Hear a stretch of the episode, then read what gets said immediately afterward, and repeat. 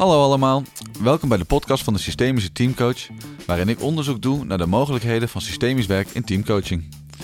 Mijn naam is Anne-Jan de Witte, partner en teamcoach bij Breinkorf en organisatiepsycholoog van oorsprong. Ik ben gefascineerd door groep dynamica in teams en systemisch werk in organisaties. Na meerdere opleidingen en dagelijks werk in beide werkvelden ben ik er nog niet uit. Hoe verhoudt teamcoaching zich ten opzichte van systemisch werk en vice versa? Om een antwoord te krijgen op deze vraag en wellicht deze werelden dichter bij elkaar te brengen, interview ik de ervaringsdeskundigen. Die bedoeld of onbedoeld met systemisch werk terecht zijn gekomen in de groepdynamiek van teams. Ik vraag me af, wat moet je weten of kunnen of juist afleren of vergeten wanneer je systemisch werkt met teams? Wat zijn de ervaringen en tips uit de praktijk en wat is het potentieel wanneer teams met systemisch werk in aanraking komen? Ik werk nooit met opstellingen. En ik doe wel allerlei werkvormen die zo systemisch zijn als een deur. Maar ik heb het middel opstellingen waarbij mensen iets moeten vertegenwoordigen niet nodig. In deze aflevering is mijn gast Maaike Tieke, voormalig eigenaar en opleider bij bureau Plan B. Samen met Bianca van Leeuwen ben je de bedenker en schrijver van Systemisch Transitiemanagement. Verder ben je de auteur van het boekje 13 Heilige Huisjes voor Management aan Diggelen. Je staat ook al 20 jaar met je voeten in de organisatieklei om veranderprocessen te begeleiden. Inmiddels werk je onder de naam Voer voor Verandering en heb je het boek Cultuurdingetje hè, geschreven. In dit boek spreek je over organisatieculturen from hell or heaven en wat je ermee kan. Jouw systemische bril komt ook hier weer naar voren, of juist bewust niet. Maaike, leuk je weer te zien en welkom in de podcast. Dankjewel. Maaike, hoe ben jij terechtgekomen in de schoolbanken van de systemische opleidingen? En uh, wat is er wat er gebeurde waarom jij dacht, hier moet ik er verder wat mee? Eigenlijk is mijn systemische antenne aangegaan bij uh, school voor coaching. En uh, dan krijg je natuurlijk de eeuwige discussie: wat is het verschil tussen systemisch en systeemdenken? Maar bij school voor coaching werd ik ongelooflijk fan van systeemdenken, van het speuren naar patronen. Wat gebeurt er hier steeds opnieuw? En ik heb, en dat heb ik wel eens vaker ook geschreven, uh, eindeloos uh, teams patronen laten uitzoeken, uh, eindeloos laten speuren naar wat, doet, wat er gebeurt er hier steeds opnieuw en hoe houden we dat in stand. En soms bleven die patronen in stand. En al heel snel dacht ik, hoe kan het dat er in organisaties, in teams, patronen waar iedereen last van heeft, toch in stand blijven. Toen ben ik een systemische opleiding gaan doen bij het Bert Hellinger Instituut. Mm En daar kreeg ik voor het eerst nog een extra perspectief op, de, op het systeemdenken wat ik bij School voor Coaching uh, uh, kreeg. Waarmee ik begon te begrijpen hoe, nou ja, organisaties, hoe, hoe, het, hoe het kan dat het hardnekkig hetzelfde blijft. Is er iets wat er specifiek gebeurde, wat je nog herinnert? Dat je denkt van, oh, dit is interessant? Kijk, er zijn een paar dingen die ik mij herinner. Het eerste wat ik mij herinner is dat ik dacht... ja, dat, die methode van opstellingen is fantastisch... maar die ga ik niet mee naar binnen komen bij ING en uh, uh, bij uh, ziekenhuizen... en kan dit niet makkelijker. En Jan Jacob die nodigde ons vanaf het begin af aan uit... om heel argwanend te zijn naar het middel van opstellingen... maar vooral de systemische bril over en nergens, overal en nergens op, op los te laten. En daar werd ik heel erg blij van. En wat is dan het grote verschil zeg maar, van de Maaike uh, pre-systemische bril en daarna? Toen ik voor het eerst met het systeemdenken en het systemische te maken kreeg, dacht ik: oh, hier word ik zo blij van om met het collectief als, met, met, dat, met dat collectief als geheel te werken. Dus dat ik daar manieren voor had om dat te doen en dat ik daar heel blij van werd, dat is een groot verschil. En er is nog een ander groot verschil. Er wordt verschrikkelijk veel gedisqualificeerd in organisaties. Uh, niet alleen in organisaties, maar ook over organisaties. Belachelijk wat ze daar doen, schandalig, zoals daar de patronen die daar zijn. En wat ik vanaf het begin af aan bij Jan Jacob heb geleerd, is er is, het is altijd een goede oplossing ergens voor. Dus ook die verschrikkelijke patronen, ook die, um, die narigheid die in de vloerbedekking zit, dat is ergens een oplossing voor. En ik herinner mij nog heel goed dat we in die opleiding hadden we ook gastcliënten. En daar kwamen uit, weet ik veel, het westen van het land twee ondernemers die uh, wilden als gastcliënt komen. En de hele ochtend was een eindeloze reeks. Ja, we komen eraan, maar we hebben vertraging. Uh, we kunnen het niet vinden. Uh, nou, en er ontstond in die groep steeds meer een soort van: Jezus, als je dan komt, kan je dan niet op zijn minst zorgen dat je op tijd bent? Uh, hoezo kan je de weg niet vinden? Hebben niet gewoon een tom-tom? nou, vervolgens kwamen twee giechelende meisjes binnen. Toen werden de oordelen nog erger in de groep. Jan Jacob, die zei als mensen zoveel moeite doen om te komen, dan is er iets heel dringend. Dan hebben ze daar een hele goede reden voor om zoveel moeite te doen om te komen. En ik ervaarde dat als een enorme tik op de vingers. Dat wij daar met z'n allen een beetje stonden te oordelen over deze vrouwen, meisjes, die veel te laat waren, die giechelend binnenkwamen, die geen normaal antwoord hadden op uh, waar ze eigenlijk uh, naartoe wilden, die wat ons betreft natuurlijk helemaal geen visie hadden op ondernemerschap en nog wat andere. Ik herinner me dat nog. Dus het als jij vraagt naar wat het verschil is, er is echt een groot verschil met dat ik nu in staat ben en mezelf ook dwing om steeds opnieuw op zoek te gaan naar waar is dit een oplossing voor. Maar dat is een heel groot verschil. Dus mijn, mijn, Jan Jacob heeft echt aangeboord mijn liefde voor organisaties. En hoeveel liefde er zit in hardnekkige, desastreuze patronen van teams. En het speuren daarnaar, tussen alle oordelen door, heeft mij heel erg gevormd. Wij kennen elkaar al een tijdje en ik weet dat jij soms ook wel eens moeite hebt met uh, uh, het systemisch werken in Nederland en de opleidingen en hoe dat wordt gebracht en hoe daarover wordt gesproken. Uh, waar heeft het bij jou geschuurd toen je systemisch hebt opgeleid? Nou, kijk, het eerste is natuurlijk dat ik. me, ik ga me meteen verzetten als systemisch werk gelijk wordt gemaakt met opstellingen. Ik vind dat zo zonde. Zo verschrikkelijk zonde. Uh, en natuurlijk zijn opstellingen nog steeds een fantastisch middel. Maar er zijn zo ongelooflijk veel manieren waarop je elke dag, elke minuut, elke, in elke organisatie, in elk team systemisch kan, kan profiteren van je systemische blik zonder dat je een opstelling uh, doet. Dus daar ga ik dan meteen. Ja, daar ga ik meteen protesteren zeker in plan B hebben we op een gegeven moment ook een, een keuze gemaakt. We stappen af van het middel. Hmm. We gaan in ons bedrijf niet meer het middel naar voren zetten, maar we gaan de vertaling van het systemische gedachtegoed in gewone mensentaal en gewone tools. En dat gaan we doen. Ja, en ik hou van dat speuren naar hoe kun je elke dag in, elke, in alles wat je doet zo systemisch als een deur werken zonder dat je het woord systemisch gebruikt. Dus eigenlijk is het voor mij heel raar om hier met jou de hele tijd te praten over systemisch, want dat woord gebruik ik nauwelijks. Ja, ja precies. Maar wel in jullie boek. Ja. Eh, in het, eh, in het boek Systemisch Transitiemanagement ja. maak je een duidelijk onderscheid tussen een boven- en onderstroom van transities. De bovenstroom is het zakelijk, het analytische, de dingen die geregeld moeten worden. In de onderstroom bevindt zich een psychologisch proces, waar ieder individu of groep doorheen gaat tijdens veranderingen. Kun je het verschil duiden tussen deze boven- en onderstroom en misschien wat vertellen over de fases in de onderstroom? Ja. Um, nou, in feite beschrijven we in dat uh, boek Neem voor de verandering de makkelijke weg. Je zou kunnen zeggen vijf knoppen om veranderen makkelijker te maken. En één van die knoppen is de bovenstroom. Daar regel je de voorwaarden om van A naar B te komen, om, om die verandering voor elkaar te krijgen. Waar moeten we werken? Hoe zit het met het pand? Wat is de structuur? Wat is de meetlat? Welke systemen gebruiken we? Welke, welke werkprocessen? Uh, wie werkt er met wie? Uh, welke mensen hebben we? Dus alle, de harde kant. En die harde kant, daar regel je de voorwaarden om een verandering te regelen. Die zijn belangrijk om van A naar B te komen. Dus naast de voorwaarden die je regelt in de bovenstroom, heb je ook manieren nodig om die gedragstransitie op gang te brengen. Nou, die gedragstransitie uh, gaat over het psychologische proces, wat individuen inderdaad, maar in het boek is het, is het perspectief of het, gericht op het collectief, teams, organisaties.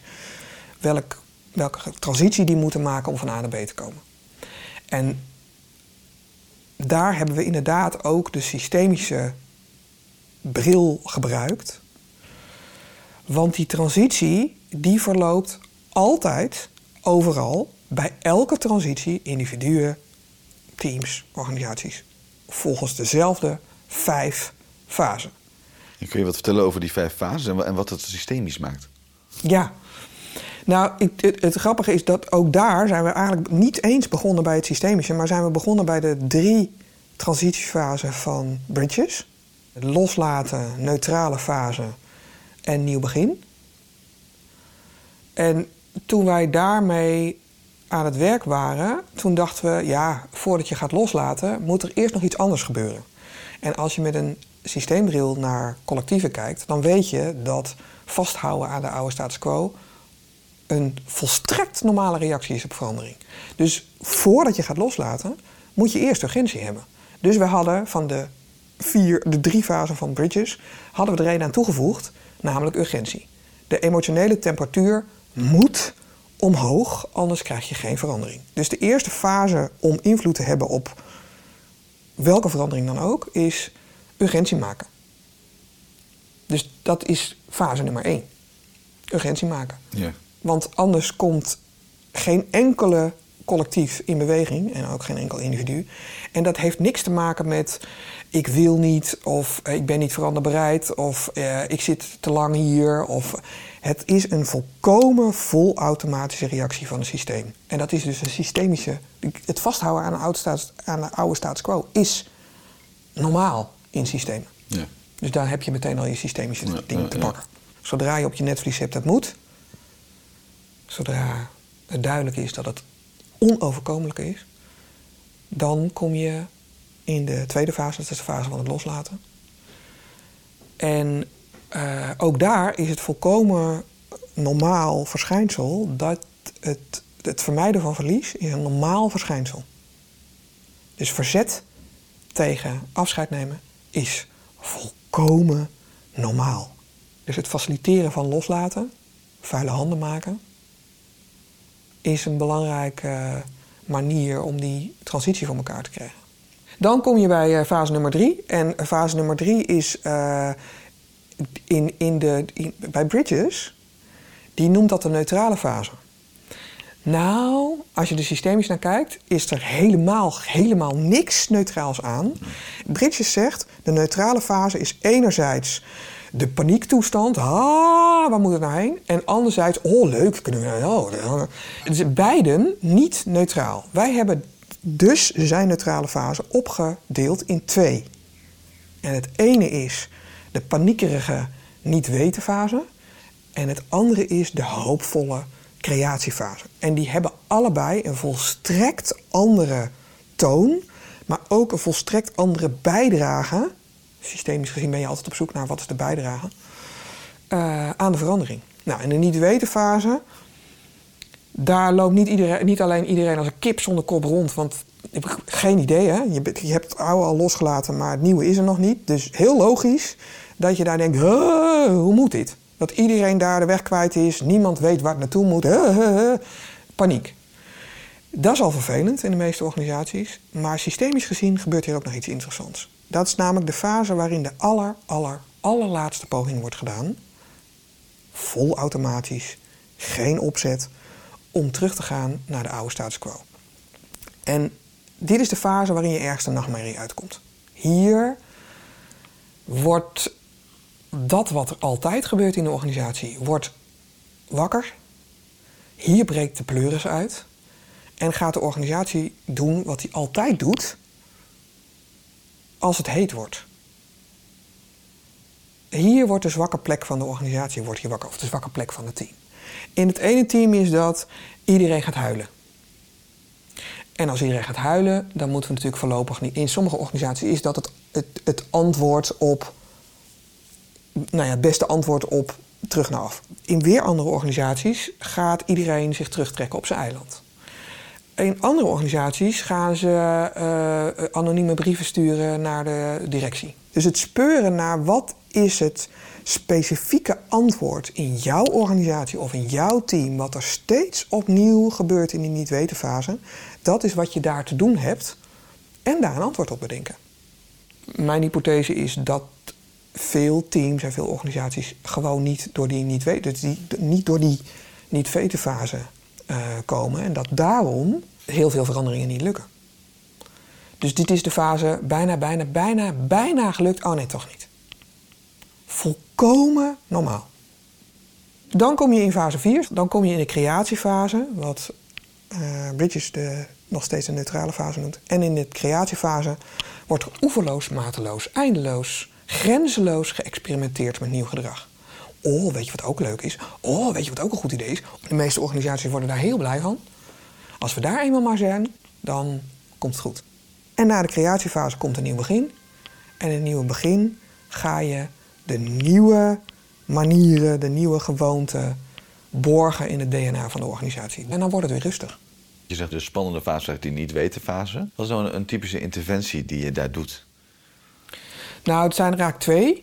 De ene typische interventie is iedereen van tevoren vertellen dat het een noodzakelijke fase is waar je noodzakelijk op zijn minst een klein beetje de kluts met elkaar kwijt moet raken. Dus dat is één. Weten dat dit normaal is in plaats van een teken aan de wand en nu moeten we echt terug. En wie heeft in godsnaam deze domme verandering bedacht? Dus vertellen wat normaal is, is één. Voorspellen op welke specifieke manier de pleuris hier gaat uitbreken, van tevoren, dus niet als je er middenin zit, maar van tevoren, uh, is interventie nummer twee. En dat scheelt al enorm. In het onderscheid wat je maakt tussen boven- en onderstroom, lijkt het er wat een geëxternaliseerd verschil te zitten tussen de boven- en die onderstroom. Het is in die organisatie. En tegelijkertijd zou je kunnen zeggen dat het verschil ook zegt, zit in het, het analytisch denken versus het systeemisch of fenomenologisch waarnemen als een meer geïnternaliseerde uh, onderscheid. Als het ware een ene modus van waarnemen als begeleider in veranderingen wellicht. Dat zou betekenen dat je ook systemisch naar de bovenstroom kan kijken en analytisch naar de onderstroom. Ja. Ben je het daarmee eens? Ja, zeer. En wat zie je dan als je systemisch naar de bovenstroom kijkt en vice versa? Nou, het duurde even voordat ik dat zelf door had. Want ik, heb, ik dacht altijd, nou, bovenstroom, hè, dan moet ik, ik, hallo, ik ben opgeleid als psycholoog. Uh, hallo, ik heb verstand van de onderstroom. Dus, en, van cultuur, dat is namelijk nog een andere, behalve de vijf fasen, nog een andere mogelijkheid om uh, invloed uit te oefenen. Um, totdat ik me realiseerde dat in die bovenstroom staat gewoon hoe het geregeld is met de ordening. Daar staat hoe het. Want eh, eh, daar staat gewoon wie bepaalt het kader voor wie. Daar staat wat zijn wij in eerste instantie. Daar staat gewoon wie, uh, nou, wat ervoor gaat. Welke afdeling voor welke andere afdeling moet komen. Daar staat, als het goed is, de lijn gaat voor de staf. Dat is gewoon systemische informatie. Dus in de bovenstroom stikt het van de systemische informatie. Daar staat wie hoort bij welk team en wie niet. Dat, zijn, dat is binding. Ja. Daar staat wie moet welke informatie waarheen brengen. Welke expertise moet ik waarheen brengen. Welke expertise moet ik aannemen. Welke. Uh, nou, dus, dus in de bovenstroom stikt het van de systemische informatie. En je zegt, ik, ik kan, het duurde even een tijdje voordat ik dit inzicht had. Wat, wat veranderde dit inzicht? Dat we ons ineens gingen realiseren...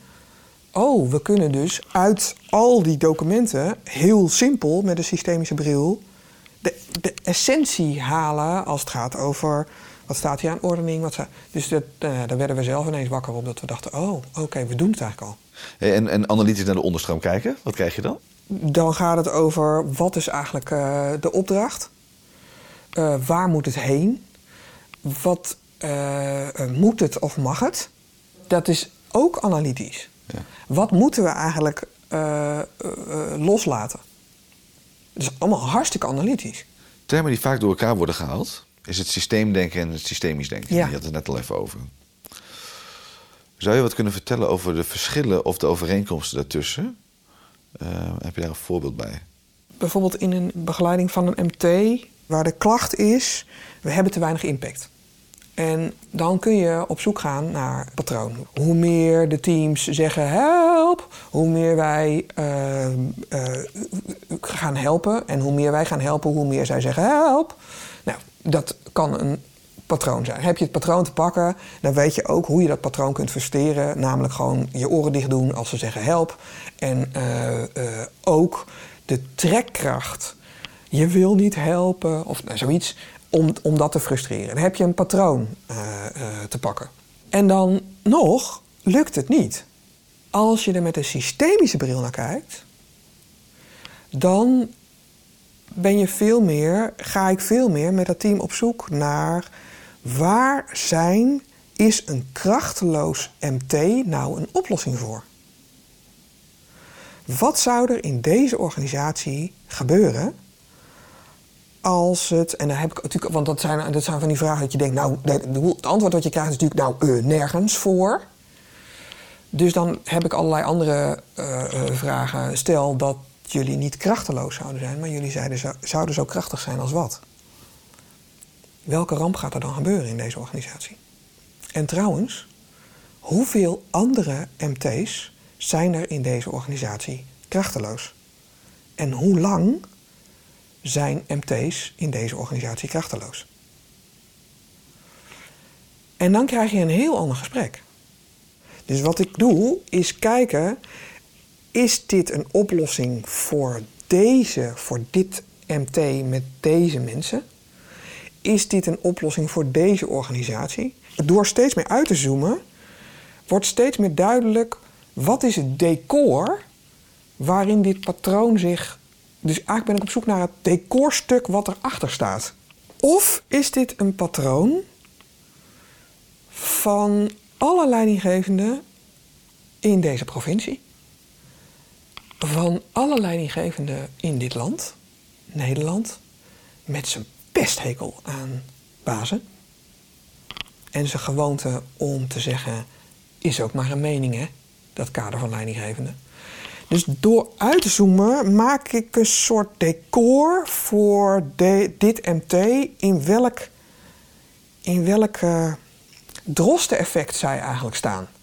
Dat is één. En dan vervolgens de vraag: en waar is dit een oplossing voor? Stel, leiders in deze organisatie zouden krachtig worden. Welke ramp gaat er dan gebeuren? En in sommige organisaties, die, die komen dan tot de conclusie... als we hier krachtige leiders zouden hebben... dan zou dat het eind betekenen van de helft van de mensen. Want als wij krachtige leiders zouden hebben... die gaan sturen op resultaten en die het volkomen normaal vinden om de meetlat te hanteren, dan kunnen we niet anders dan tot de conclusie komen dat een deel van de mensen die hier werken eigenlijk geen bijdrage leveren aan deze organisatie. En dan is dan de nieuwe vraag: en welke ramp zou er dan gebeuren als dat op tafel komt? Welke belofte heeft deze organisatie mogelijk ooit gedaan waar dit never nooit voor op tafel mag. Dat hier 20, 30 procent van de mensen wel werkt, maar eigenlijk geen bijdrage levert aan waar we het allemaal voor doen. En met alles wat ik hier zeg, ik voel mezelf ook, kan je heel makkelijk krijgen. Ja, dat zijn allemaal sociale werkvoorzieningen. Eigenlijk is het gewoon een grote. Dat zijn allemaal oordelen. Maar Waar het over gaat is dat ze ergens een gevoel krijgen dat deze organisatie mogelijk ooit met de beste intenties de belofte heeft gedaan. Ook als je geen bijdrage kunt leveren, maken we plek voor je. En als je dat in beeld hebt, krijg je een heel ander gesprek en hele andere mogelijkheden. Dus met dank aan krachteloze leiders kunnen wij deze belofte blijven houden. En dat is voor mij het verschil tussen speuren naar patronen en de systemische speuren naar waar is dit patroon ooit een goede oplossing voor geweest? Ja. Wat heeft dit patroon onze organisatie ooit en nog steeds gebracht? En als het ons niks meer brengt, kunnen we dan onder ogen zien dat het ons ooit heel veel heeft gebracht.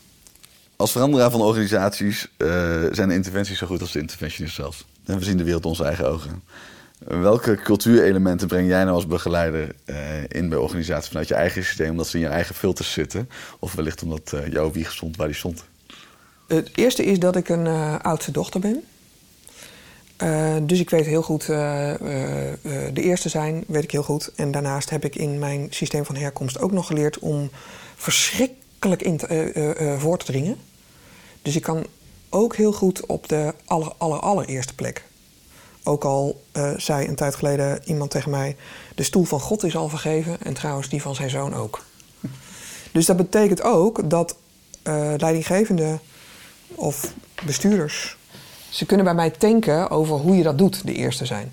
Daarnaast, uh, ik ben geboren in Sittard en heb vervolgens vier jaar in Sittard, vier jaar in Tilburg, vier jaar in Vught, vier jaar in Aardehout, uh, vijf jaar in Groningen, uh, zes jaar in Zutphen, drie jaar in Oelen, nog een keer tien jaar in Zutphen en nu in Zeist. Dus ik hoor nergens.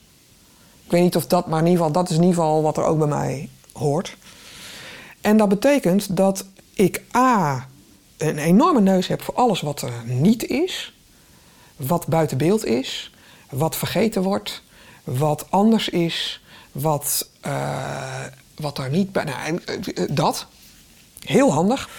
En daarnaast, als het over teams gaat en over goed functioneren als teams, uh, krijg je die meteen te maken met mijn mijn, mijn, mijn onderscheidinterventies, mijn, mijn neiging om ze meteen te laten voelen wat, waar ze, uh, hoe het zit met onderscheid in dat team.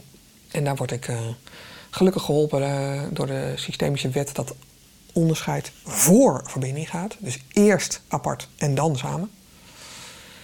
Maar, um, en daar struikel ik ook wel eens over. Want ik heb ook nog wel eens dat ik dan vergeet. Zeker in teams waar ze de hele tijd alles allemaal helemaal samen doen. Dan word ik de vertegenwoordiger van alles wat anders is.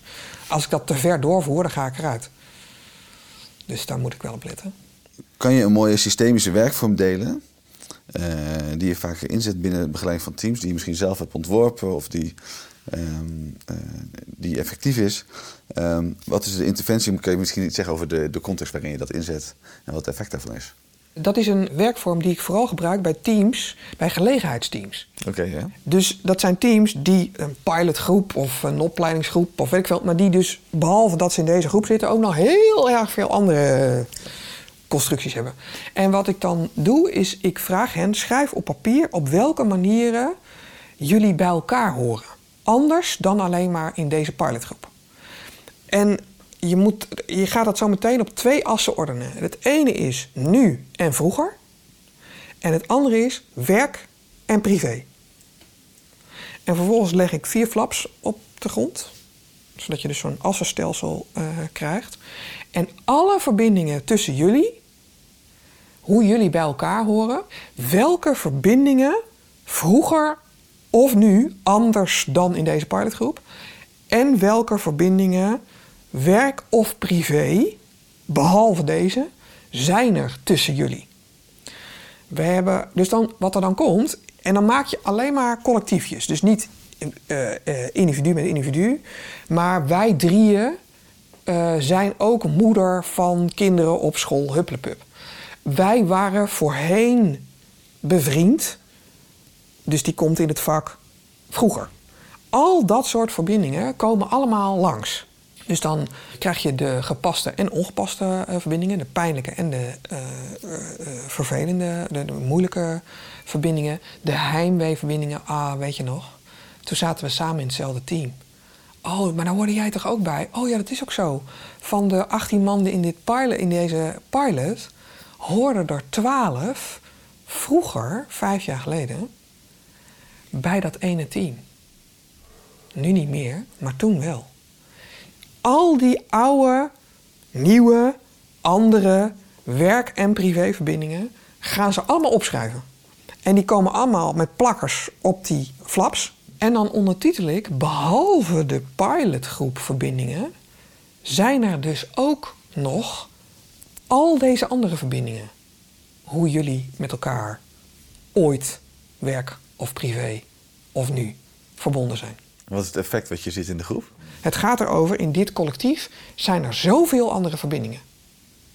En ik vraag mensen, loop daar nou eens langs, sta er eens op, om een gevoel te krijgen om een soort ankerpunt te krijgen wanneer we in de pilotgroep mogelijk belanden in andere verbindingen dan in die pilotgroep thuis horen. En het effect daarvan was dat mensen zeiden: Oh, nou begrijp ik het. Ik voel me soms zo buitengesloten. Maar nou begrijp ik dat komt. Nu ineens begrijp ik dat. Want jullie waren vijf jaar geleden horen bij dat fantastische super eh. Er zijn mensen die zeggen: Oh, ik had me zo verheugd op deze pilotgroep. Want ik dacht: Oh, weer lekker met die oude club. Dus het in beeld brengen van alles wat er buiten beeld is. Zorgt ervoor dat de pilotgroep niet impliciet belast raakt door allerlei verbindingen die er wel zijn, maar wat niemand begrijpt. Die niet, die niet zichtbaar zijn of die je probeert uit beeld te houden. Kan ook nog, hè? Wij waren voorheen getrouwd. Maar nu niet meer. Is laatst ook. Ik, ik zie je verschillende termen gebruiken. Je, je praat over de onderstroom, je praat over cultuur, je praat over Ja. systemische wijsheid, groepdynamische processen. Ja. Lopen we deze wat dat betreft door elkaar heen? Of maak je daar onderscheid tussen?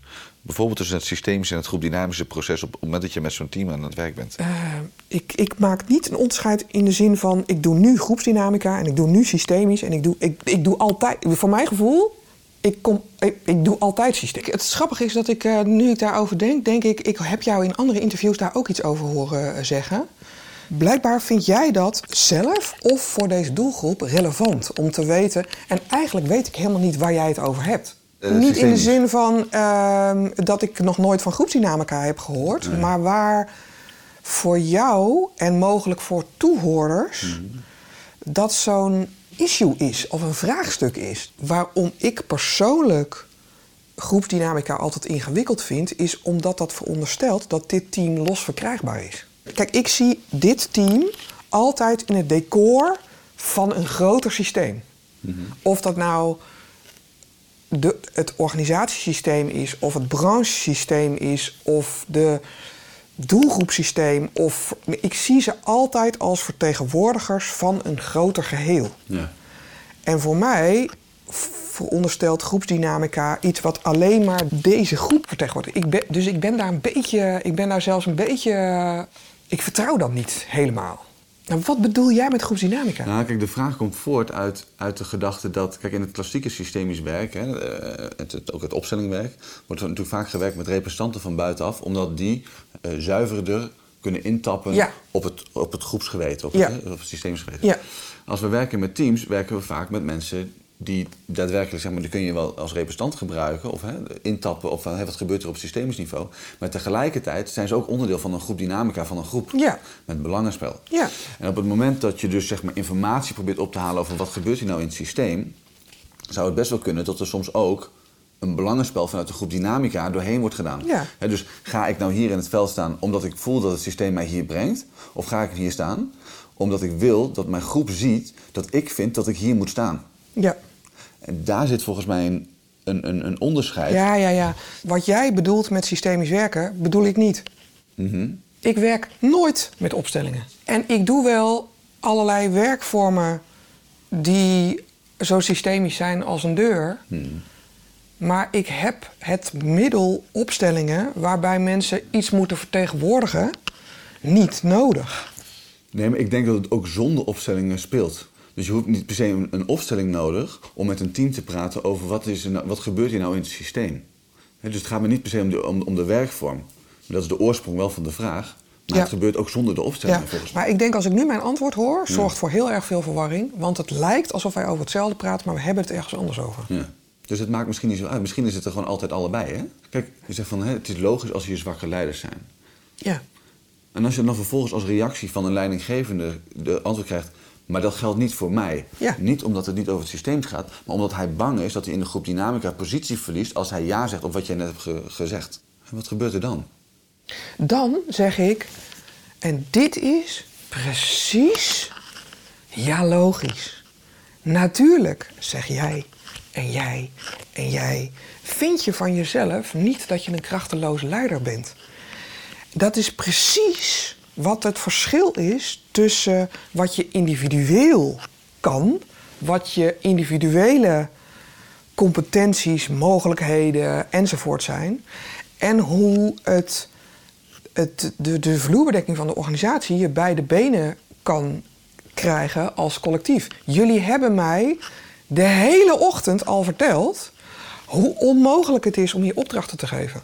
Hoe het verboden is om te sturen op gedrag. Hoe je een slecht medewerkerstevredenheidsonderzoek krijgt als je gewoon doet waarvoor je betaald wordt. Dat is voor mij een symptoom van vloerbedekking waarin het niet de normaalste zaak van de wereld is dat een leidinggevende doet waarvoor die betaald wordt. Namelijk niet alleen motiveren, inspireren, hupplepup, maar ook sturen op gedrag. Ook de voorwaarden regelen.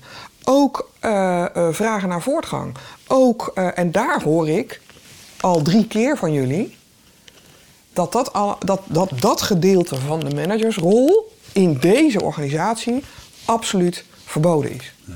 En daarmee voelen jullie je mogelijk nu gedisqualificeerd uh, uh, als individuele leidinggevende. Dat is precies het, wat er zo akelig is aan de vloerbedekking in een organisatie. Waar je met alle wil van de wereld je niet tegen kunt verzetten. Nou, dus eigenlijk maak je daar een onderscheid tussen het persoonlijk systeem en het groepssysteem. Ik gebruik zoiets vooral om te ondertitelen hoe je individuele inzet, je individuele competenties, je individuele houding, je individuele vermogens werkelijk uit het raam kunnen vliegen, omdat de kracht van het systeem je bij de benen neemt.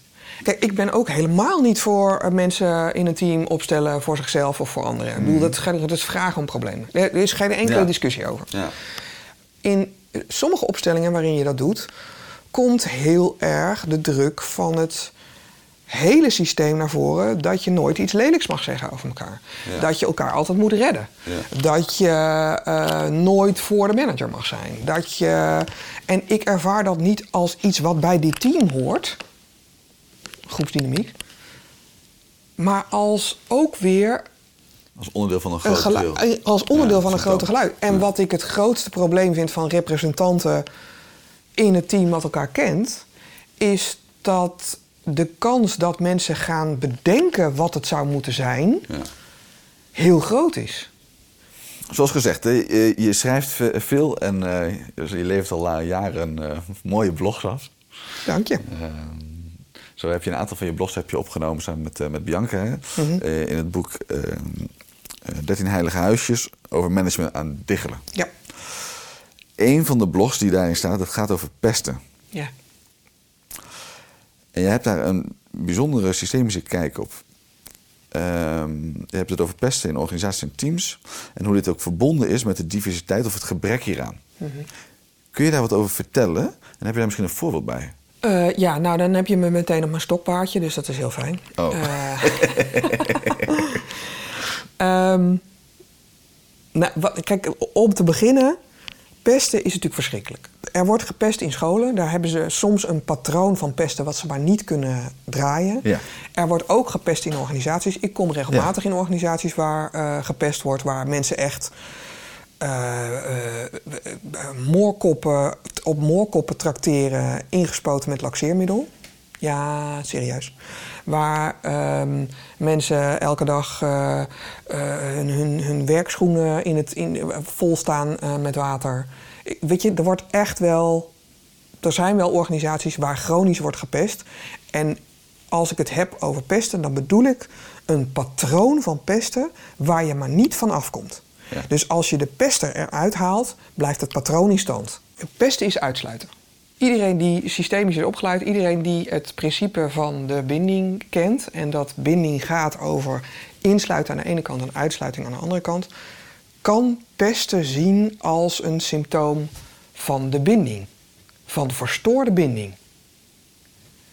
Wat ik me wel realiseer is dat in, het systemische, uh, in de systemische wereld gaat binding ook vaak het principe van de binding gaat heel erg over insluiten. En veel minder over uitsluiten. Alles heeft een plek, alles hoort erbij. Precies. Maar dat systemen welvaren bij insluiten wat erbij hoort en uitsluiten wat er niet bij hoort, die boodschap is er heel vaak niet. Terwijl ik heb het wel zo geleerd. Van Jan Jacob. Ik zie uh, pesten als een symptoom van uh, verstoorde binding. Als je er systemisch naar kijkt, dan krijgt elk systeem, elk team, elke organisatie, elke gemeenschap, elke maatschappij die uh, te veel zijn gewicht legt in binding, in, in de, de kant van binding die gaat over samen, hetzelfde, iedereen, overal, alles. Daar raakt een systeem van onder druk. En als je te weinig uitsluit, krijg je uitsluiting via de achterdeur binnen. Hmm. Op een akelige manier. Dus pesten is een symptoom van veel en veel en veel te weinig uitsluiting. En dan heb ik het over een patroon van pesten. Dus ik heb het niet over incidenteel pesten, maar ik heb het over een patroon van pesten waar je maar niet van afkomt. In scholen net zo, hè? Als er op scholen wordt gepest, als daar een patroon is van pesten, dan is mijn. Dan zeg ik, ik heb een oplossing voor je, maar je gaat het niet leuk vinden. Want de oplossing in scholen is ook meer onderscheid maken. En dan doe ik soms, als ik in een goede bui ben, zeg ik... Nou ja, je zou bijvoorbeeld in de klas kunnen zeggen... Jullie uh, uh, hebben een vader en een moeder. En jullie hebben twee moeders. Jullie horen bij de kinderen met een bril. En jullie niet. Ja. En als je er gewoonte van maakt om de gewone huistuin- en keukenverschillen gewoon te benoemen, dan loop je minder risico dat je bevattelijk wordt voor een patroon van pesten. De, de, de onderwijsbranche is vergeven van alles, iedereen samen, overal gelijk. Iedereen gelijke kansen. Het is bullshit. Het is niet zo dat iedereen gelijke kansen heeft. Gestreven naar dat iedereen gelijke kansen heeft. Maar het is niet zo. Het erkennen van de gewone verschillen voordat de hele moeilijke, pijnlijke verschillen niet meer te hanteren zijn, is echt een heel goed recept om een patroon van pesten te voorkomen. En dat staat nogal haaks op alle pestprogramma's, behalve over de streep. Alle, bijna alle pestprogramma's zijn gericht op meer verbinding. En er is een verschrikkelijk onderzoek gedaan naar het effect van pestprogramma's. Waar uh, pestprogramma's op zijn best helemaal niks uitmaken en op zijn slechtst leiden tot nog meer pesten, nog meer uitsluiting, nog meer discriminatie. En dat heeft hiermee te maken. En dat heeft, wat mij betreft, hiermee te maken. En ik vind het niet te hachelen. En elke jaar is er weer de week van het pesten. En elk jaar neem ik me weer voor, laat het gaan. Je hoeft niet te reageren. En elk jaar kan ik, me het, de, de, kan ik het niet laten. Ik zie het ook aan je. Ja, het is echt... Het is afschuwelijk om gepest te worden. Echt afschuwelijk. Mensen hebben daar hun leven lang lijden daaronder. En wij met z'n allen in het onderwijs, maar ook als ouders en ook in organisaties, hebben de sleutel in handen. Het is ook wel wat Hollands, hè? Heel Hollands. Wat raar is, is dat het onmiddellijk in ongelijkwaardig. Ongelijk is niet hetzelfde als ongelijkwaardig. Mm.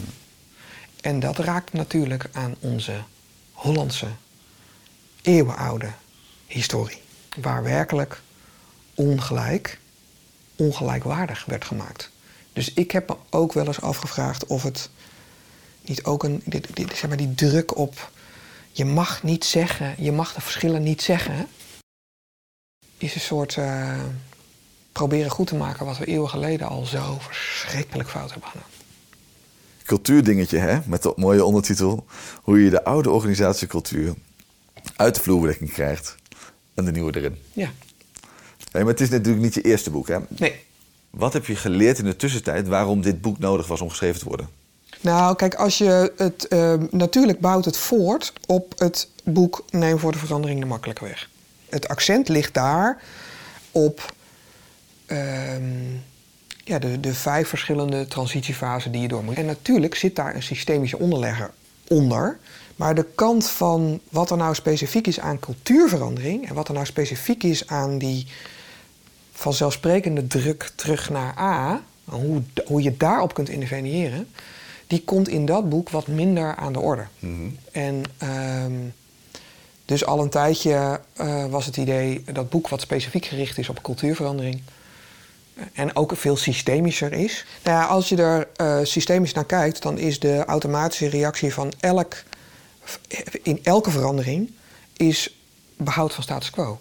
Dat is een normale reactie. Dat zegt niks over uh, we zijn niet veranderingsbereid. Dat zegt niks over dat je verkeerde uh, verandering hebt gekozen. Dat zegt niks over niks. Dit, dat is een normaal verschijnsel, terug naar af. Hmm. Verzet tegen verlies is een normaal verschijnsel. En dus ook bij cultuurverandering. Dus het, behoud van de oude status quo, waar mensen van zeggen: ja, maar hoe kan, hoe, hoe kan het? We worden er allemaal ziek van. We worden er allemaal naar van. We komen er naar van in de krant. Uh, uh, het is slecht voor ons, we willen ervan af. Maar toch krijgen we die, die cultuur niet uit de vloerbedekking. Dat is wat, wat ik hoor in organisaties. Mm En mijn eerste antwoord is: ja, dat is normaal. Dus de volgende vraag is: en hoe krijg je dan de, de, uh, het wel uit de vloerbedekking? Jij werkt veel in teams en, en, organisaties. Mm -hmm. Wat zijn nou dingen waar je naar kijkt, of die vaak opvallen, als je kijkt naar een organisatiecultuur? Waar let je dan op? Nou ja, bij, uh, met dank aan het systemische perspectief heb ik, uh, zijn er maar drie cultuurkenmerken: ordening, binding, uitwisseling. Dus dat is heel lekker. Mm -hmm. Dat is heel fijn. Ja.